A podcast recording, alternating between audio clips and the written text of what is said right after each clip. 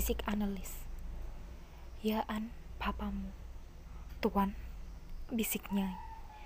Mati Nyai, Noni. Tuan Milema mati. Dua wanita itu melangkah lebih maju, kemudian berdiri termangu. Bau minuman keras itu.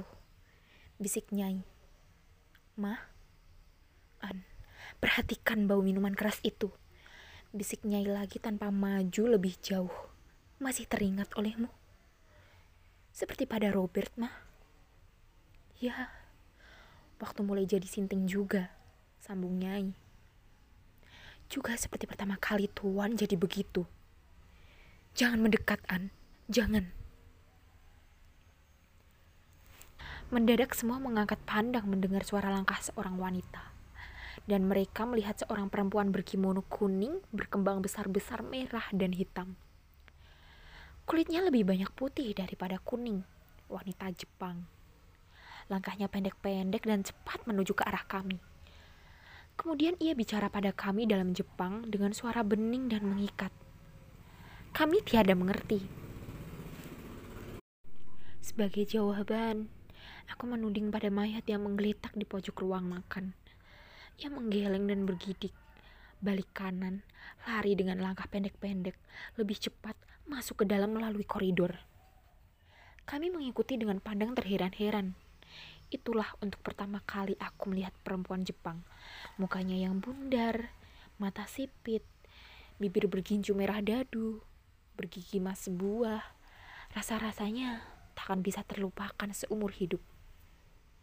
Tak lama kemudian dari koridor yang sama muncul sesosok tubuh lelaki jangkung, seorang Indo, kurus bermata cekung. Mama, bisik analis. Robert, mah.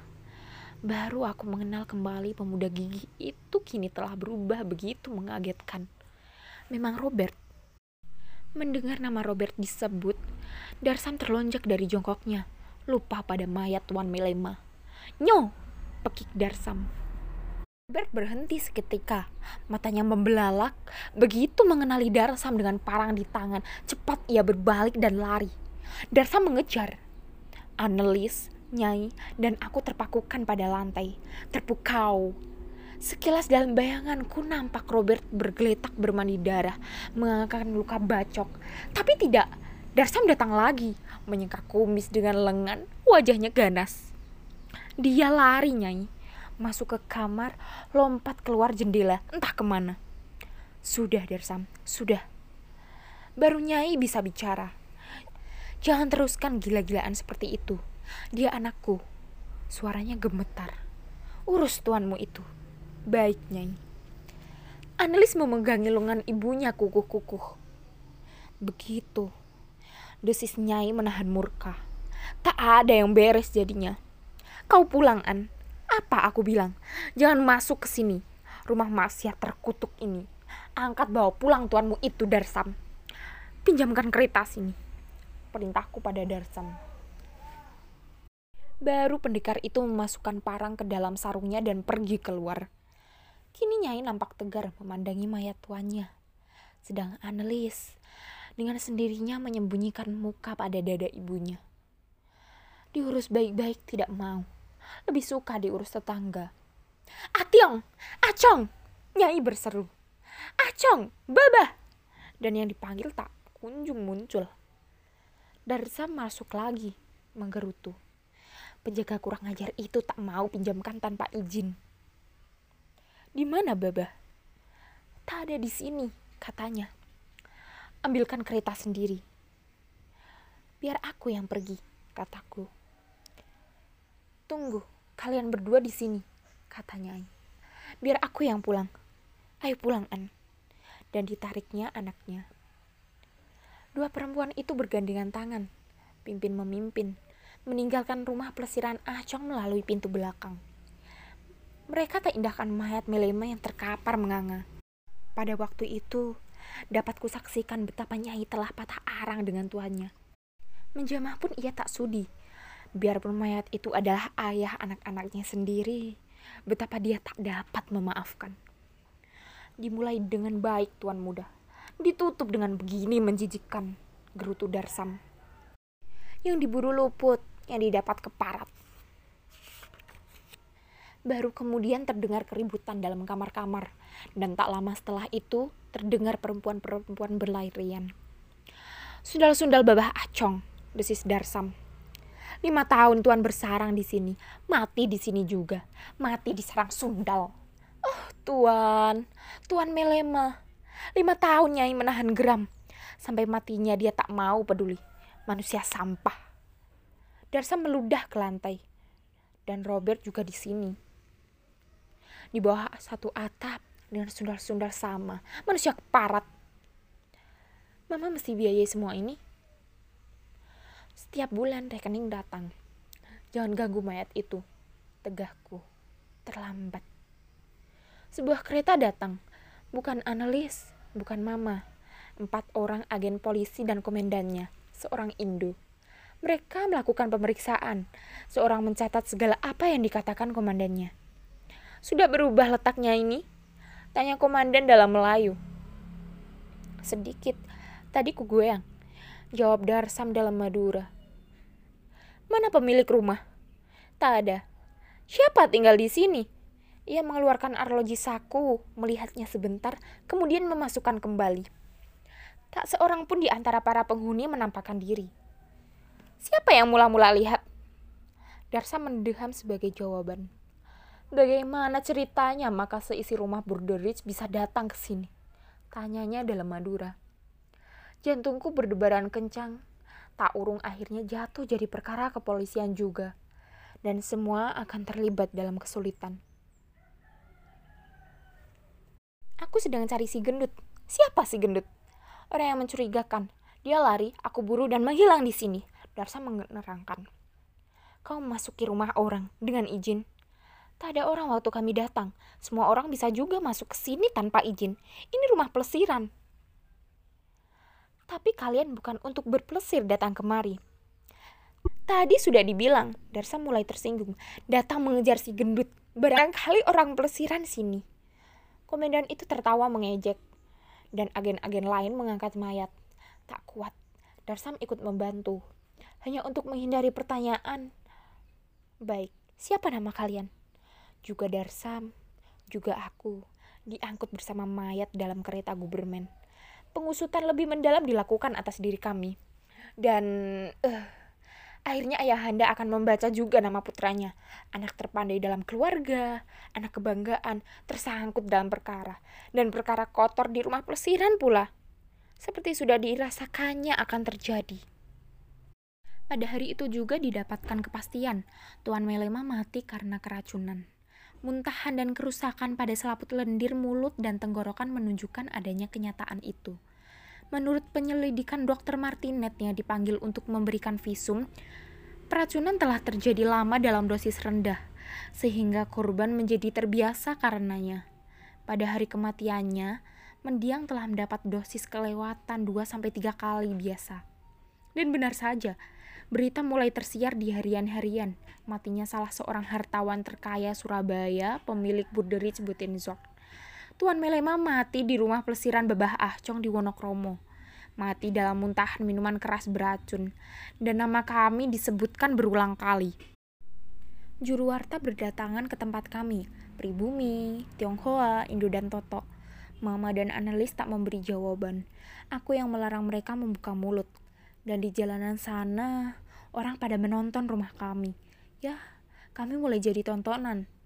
Tak ada di antara kami ditahan. Kesempatan itu kupergunakan untuk menulis laporan yang lebih benar tentang kejadian tersebut. Diumumkan oleh SN Fiordini. Di kemudian hari ku ketahui, laporan-laporanku membuat tiras harian tersebut meningkat. Kota-kota lain minta juga koran Surabaya itu, karena dianggap sebagai sumber terpercaya matinya seorang hartawan tidak wajar selalu menimbulkan banyak duga sangka. Cuti seminggu dari sekolah kupergunakan untuk menulis, membantah berita-berita tak benar dan bersirat. Namun, muncul tulisan dan berita lain yang katanya berasal dari pihak kepolisian. Polisi mengadakan penjejakan dan pengejaran terhadap si Gendu dan Robert Melema, sulung keluarga Melema. Diduga keras melakukan persekongkolan pembunuhan terhadap ayahnya sendiri. Siapa si gendut? Suatu kali harian Melayu Tionghoa mengumumkan, di dalamnya disebut kemungkinan Sinkeh yang baru masuk ke Jawa secara gelap. Boleh jadi anggota dari apa yang menamakan diri Angkatan Muda Tiongkok, bermaksud hendak merubuhkan kekaisaran. Salah satu ciri, tidak berkuncir. Sedang si gendut memang tidak berkuncir. Boleh jadi dia datang ke Jawa karena diuber-uber polisi Inggris di Hong Kong atau Singapura. Sekarang membuat onar Surabaya tindakan tegas seyogyanya dilakukan terhadap pendatang gelap. Apalagi si tanpa kuncir, yang jelas punya maksud jahat. Dugaan yang didasarkan pada isapan jempol, jawabku terhadap koran Melayu Tionghoa tersebut. Dia memang sipit, agak sipit. Itu bukan ciri khas Tionghoa satu-satunya. Dia tak berkuncir. Juga tak mesti dapat ditafsirkan sebagai angkatan muda Tiongkok. Akibat tulisan itu, polisi mengusut SNVRDD tentang si gendut.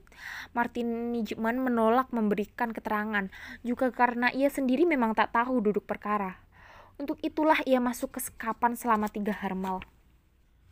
Miriam dan Sarah Delacroix menyatakan simpati keluarga mereka padaku, pada kami, dan yakin kami tidak bersalah. Di dalamnya tertumpang salam Herbert Delacroix dan harapan semoga kami dapat hadapi semua cobaan dengan tabah dan dapat melewati semua dengan selamat. Surat bunda yang mengibakan menyatakan berduka, cita di samping menyampaikan murka ayahanda yang sudah sedemikian memuncak sampai keluar dari mulut. Tak sudi mengakui sebagai anak, dan sendiri mengirimkan surat pada Tuan Direktur HBS Surabaya menyatakan mengeluarkan aku. Dalam surat susulan Bunda juga tertulis dalam bahasa dan huruf Jawa disebutkan, aku belum tentu bersalah. Semoga malah bisa jadi orang yang akan menyelesaikan perkara dan bahwa Tuan Asisten Residen B datang pada ayahanda untuk menyabarkannya dan menyampaikan kata-kata tersebut. Dan bahwa tinggalku di Burderich Buitenzorg belum tentu punya persangkutan dengan kemesuman. Bahwa suatu perkara bisa jadi suatu akibat perbuatan sendiri. Juga tak jarang suatu kecelakaan belaka yang bisa menimpa setiap orang. Tak ada orang dapat mengira-ngirakan kapan kecelakaan bakal tiba. Ayahanda tidak membantah. Pada putra-putrinya ia berkata, Siapa saja di antara anak-anaknya berurusan perkara dengan polisi, dia adalah menghinanya, maka tak patut ada di dekatnya lagi. Semua surat itu kubalas. Terhadap ucapan ayahanda kutulis. Kalau itu yang dikehendaki ayahanda, apalah boleh buat. Maka sekarang aku akan berbakti hanya pada seorang ibu. Abangku menulis. Bunda bermandi air mata membaca surat balasanku, menangisi sikapku. Mengapa menghadapi ayah sendiri yang sudah begitu murka dengan sikap begitu tidak berbakti? Seakan seorang ayah tidak pernah mengharapkan sesuatu yang baik untuk putranya sendiri. Kau putranya, kau yang muda, kau yang harus mengalah dan surat abangku tidak kubalas. Biarlah ayahanda bebas dengan amarah dan sikapnya sendiri. Lagi pula, aku tak begitu kenal ayahku. Sejak kecil aku ikut nenenda, maka ayahanda lebih banyak hanya tinggal sebutan. Dalam setiap penghadapanku, ia lebih banyak menuntut diakui kewibawaannya sebagai ayah. Terserahlah padanya sendiri. Aku tak ada urusan dengan amarah dan sikapnya. Adapun ayahanda mengeluarkan aku dari HBS, itu memang haknya. Dan HBS bagi pribumi hanya mungkin kalau ada orang berpangkat menanggungnya. Hanya men yang menanggung aku bukan ayahanda, tapi almarhum nenenda. Dan belum tentu tuan direktur dapat membenarkan. Kalau membenarkan pun apa boleh buat. Aku sudah merasa punya perbekalan cukup untuk belajar sendiri, cukup kuat untuk memasuki dunia dengan kaki sendiri. Empat hari setelah ditemukan mayat Tuan Melema penguburan dilakukan di pekuburan Eropa di Peneleh. Kami semua ikut mengantarkan. Sebagian terbesar pengantar adalah penduduk kampung-kampung perusahaan. Tujuh orang juru warta ikut pula menyaksikan, juga dokter Martinet, juga Jen Marais dan Telinga. Pelaksanaan penguburan dilakukan oleh perusahaan penguburan Verbrugge. Martinet mengambil tugas sebagai wakil keluarga Melema. Dalam upacara penguburan, ia menyatakan sangat berduka cita melihat cobaan-cobaan berat yang menimpa keluarga Melema, terutama Nyai Ontosoro dan Annelies selama lima tahun belakangan. Hanya orang yang sungguh-sungguh kuat bisa bertahan, dan orang itu adalah wanita pribumi pula, yang dibantu hanya oleh anak perempuannya yang terampil dan tangkas. Cobaan itu belum lagi selesai karena perkara masih akan menyusul di pengadilan.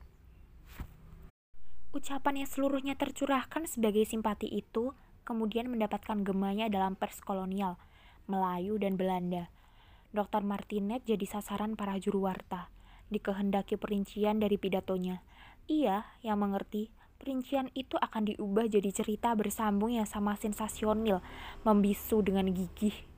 Maka koran-koran kolonial berbahasa Belanda dengan cara dan gayanya sendiri tidak membenarkan simpati sang dokter yang ditujukan hanya pada seorang wanita pribumi. Dik pula, yang boleh jadi belum tentu bersih dari perkara. Sudah banyak berbukti nyai-nyai bersekongkol dengan orang luar untuk membunuh tuannya. Motif, kemesuman, dan harta. Dalam abad 19 ini saja, kata sebuah koran dapat dicatat paling tidak lima orang nyai telah naik ke tiang gantungan. Boleh jadi Nyai Dasima bisa melakukan kejahatan yang sama, sekiranya Tuan Edward Williams bukan seorang arif bijaksana. Walhasil, penutupnya pembunuhan juga. Hanya bukan Edward Williams yang jadi korban, Dasima sendiri.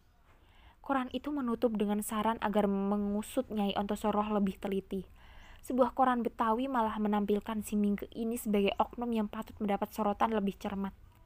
Dr. Martinet dan Martin Nichman telah mengumpulkan begitu banyak koran terbitan di berbagai kota dan menyerahkan pada kami. Mengikuti komentar dan saran-saran itu pada suatu kali, Nyai mengatakan, Tak bisa mereka melihat pribumi tidak penyek terinjak-injak kakinya. Bagi mereka, pribumi mesti salah. Orang Eropa harus bersih jadi pribumi pun sudah salah. Dilahirkan sebagai pribumi lebih salah lagi. Kita menghadapi keadaan yang lebih sulit, Mingke, anakku. Itulah untuk pertama kali ia memanggil anakku, dan aku berkaca-kaca terharu mendengarnya. Apa kau akan lari dari kami, nak? Tidak, mah. Kita akan hadapi semua bersama-sama. Kita juga punya sahabat, mah. Dan jangan anggap Mingke ini kriminal. Aku pinta. Mereka punya segala alat untuk mengkambing hitamkan kita. Tapi selama tak ada di antara kita ditahan, apalagi Darsam, pihak polisi nampaknya tidak terpengaruhi. Sebuah tulisan jelas dari Robert Surhoff telah menggugat keadaanku di tengah-tengah keluarga Melema sebagai benalu tak tahu malu, ikut menyedot harta orang lain dan menampilkan diri di depan umum sebagai burung gereja tanpa dosa, orang tanpa nama keluarga, tanpa sesuatu, dengan satu-satunya modal keberanian jadi buaya darat. Koran itu memang bukan SNV or DD, tapi harian yang sudah terkenal ketagihan skandal, sensasi di segala bidang, dengan pembantu-pembantu para maniak sensasi, atau menurut Dr. Martinet, orang-orang sakit, semacam Titus di zaman Romawi. Ia memerlukan datang berkunjung untuk menyatakan simpatinya. Buffon Waterhouden, jangan tenggelam. Biar apa pun macamnya hiburan, biar dengan cara apa saja hati hendak diparami, Tulisan itu memang memukul nyerinya terasa sampai ke bulu rona. Akan ku ajukan pengaduan, Mama. Tidak, tegah Nyai. Kau tak bakal menang. Kalau Mama tidak membenarkan dia saja, aku sudah bisa menang. Mama ada pada pihakmu, kata wanita itu. Tapi di depan hukum, kau tak bakal menang. Kau menghadapi orang Eropa, Nyo. Sampai-sampai jaksa dan hakim akan meroyok kau dan kau tak punya pengalaman pengadilan. Tidak semua pokrol dan advokat bisa dipercaya, apalagi kalau soalnya pribumi menggugat Eropa. Tulisan itu jawab saja dengan tulisan, tantang dia dengan tulisan juga. Orang yang mengaku mengenal diriku boleh jadi temanku sendiri, teman baik atau teman buruk. Jawabku dalam tulisan. Mengapa Tuhan tidak memunculkan muka dengan terang? Mengapa lebih suka bersembunyi di balik topeng dan melemparkan aji sendiri? Muncullah Tuhan dengan muka sendiri. Mengapa Tuhan malu pada muka sendiri, nama sendiri, dan perbuatan sendiri? Tulisan yang diumumkan Martin Nichman itu kemudian diumumkan juga oleh sebuah koran lelang. Yang karena adanya peristiwa kematian Herman Melema berubah jadi harian umum. Sekalipun advertensinya masih tetap menempati sebagian besar ruangan, di seluruh Surabaya terdapat enam buah perusahaan lelang, masing-masing punya korannya sendiri. Hanya koran lelang yang sebuah ini dapat meningkat jadi harian. Berapa yang sudah kuambil dari Tuan Herman Milema Mendiang? Cobalah Tuan sebutkan. Kalau mungkin perinci sekali, Tuan dapat minta bantuan dari keluarga. Milema yang ditinggalkan, malah aku sendiri bersedia. Kalau perlu bisa disewa seorang akuntan, tulisku. Sungguh di luar dugaan, serangan padaku menderu-deru. Betul, Mama. Itu belum lagi kunaikan jadi perkara pengadilan. Persoalan tidak tinggal memusat pada benar tidaknya kedudukanku sebagai benalu penyedot harta mendiang Herman Melema. Titik bakar berpindah pada perbedaan kulit, Eropa kontra pribumi. Koran kota-kota lain juga ikut menimbrung, maka dalam satu bulan penuh tak ada kesempatan lagi padaku untuk melihat pelajaran sekolah. Kesibukan sehari-hari melayani kejahilan orang, dan semua serangan disampaikan Martin Nijman padaku untuk dijawab. Jufrov Magda Peters juga datang untuk menyampaikan simpati, mengatakan, Memang begitu kehidupan kolonial di mana saja, Asia, Afrika, Amerika, Australia, semua yang tidak Eropa, lebih-lebih tidak kolonial, diinjak, ditertawakan, dihina, hanya untuk berpamet tentang keunggulan Eropa dan keperkasaan kolonial. Dalam segala hal, juga kejahilannya. Kau sendiri jangan lupa, Mingke. Mereka yang merintis ke Hindia ini, mereka hanya petualang dan orang tidak laku di Eropa sana. Di sini mereka berlagak lebih Eropa, sampah itu. Kami dengarkan simpati, sekaligus umpatan itu dengan diam-diam. Analis sendiri kami usahakan agar tetap berada di luar persoalan. Nampaknya hasilnya cukup memadai. Dengan demikian, antara Nyai dan diriku lahir persekutuan menghadapi dunia luar rumah. Kalau memang kau sudah sepakat menghadapi mereka di sampingku, Mingke. Nak, Nyu, kau hadapi mereka sampai selesai. Kalau mereka nanti kewalahan, hati-hati. Mereka akan mengeroyok. Sudah beberapa kali itu terjadi. Berani kau. Sebagai persoalan memang harus terus dihadapi, Ma. Kira-kira Mingke ini, Ma. Kira-kira memang bukan kriminal. Tidak akan lari. Baik, kalau begitu kau memang tak perlu bersekolah dulu. Perkelahian ini lebih penting daripada sekolah. Di sekolah kau akan dikeroyok dan disakiti tubuh dan hatimu. Dengan menghadapi yang sekarang ini, kau akan mempelajari ilmu bela diri dan menyerang di hadapan umum segala bangsa. Kau akan lulus dengan ijazah yang bernama kemasyuran. Tidak diduga, dalam sebuah koran Melayu milik orang Eropa muncul tulisan yang membela diriku, ditulis oleh seorang yang mengaku bernama Komers. Kalau Mingke alias Magtolenar jelas memang melanggar hukum, tulisnya. Mengapa di antara para pendakwa tak ada yang mengajukan perkaranya melalui tuntutan ke pengadilan? Apa mereka beranggapan hukum di Hindia Belanda belum mencukupi kebutuhan mereka? Atau mereka sengaja hendak menghina hukum dan melanjangi ketidakdayaan para pejabat yang terhormat di bidang hukum? Atau memang tuan-tuan yang belum tentu terhormat itu ingin menciptakan hukum baru dengan cara demikian? Walhasil, beberapa ahli hukum mulai bertikaian dan serangan-serangan terhadapku tersisihkan dan ijazah kemasyuran itu yang dijanjikan Nyai tak jadi aku peroleh. Nyai Ontosorah nampak tenang-tenang menghadapi segala kemungkinan. Dalam kesibukan luar biasa, Anli semakin menekuni pekerjaannya. Urusan dengan dunia luar rumah ia percayakan pada kami berdua. Dan dengan mendadak saja aku terakui sebagai satu-satunya lelaki anggota keluarga. Yang tidak syah tentu. Sidang pengadilan tak dapat ditunda lebih lama. Robert Melema dan si gendut tetap tak dapat ditemukan. Maka pengadilan akan menghadapkan Babah Ahcong sebagai terdakwa. Pengadilan putih, pengadilan Eropa. Bukan karena Ahcong punya forum privilegiatium, tapi karena adanya koneksitiat. Sebagaimana aku ketahui duduk perkaranya di kemudian hari, ia dituduh dengan sengaja dan direncanakan telah membunuh Herman Melema baik secara perlahan-lahan maupun secara sekaligus. Mungkin ini sidang terbesar di Surabaya selama ini, digalakkan oleh warta dan pertentangan dalam koran-koran. Penduduk Surabaya dari segala bangsa memerlukan datang untuk menyaksikan. Dari kota-kota lain dikabarkan orang pada berdatangan, juga abang Nyai dari Tulangan. Orang bilang pengadilan ini juga paling mahal, tidak kurang dari empat orang penerjemah tersumpah dipergunakan, Jawa, Madura, Tionghoa, Jepang, dan Melayu, semua penerjemah adalah orang Eropa Toto.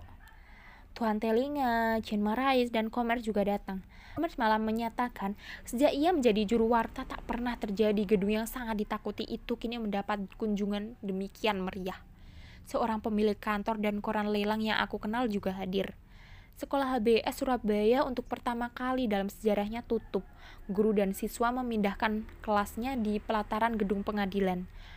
Dr. Martinez terpanggil untuk jadi saksi ahli di bidang kedokteran.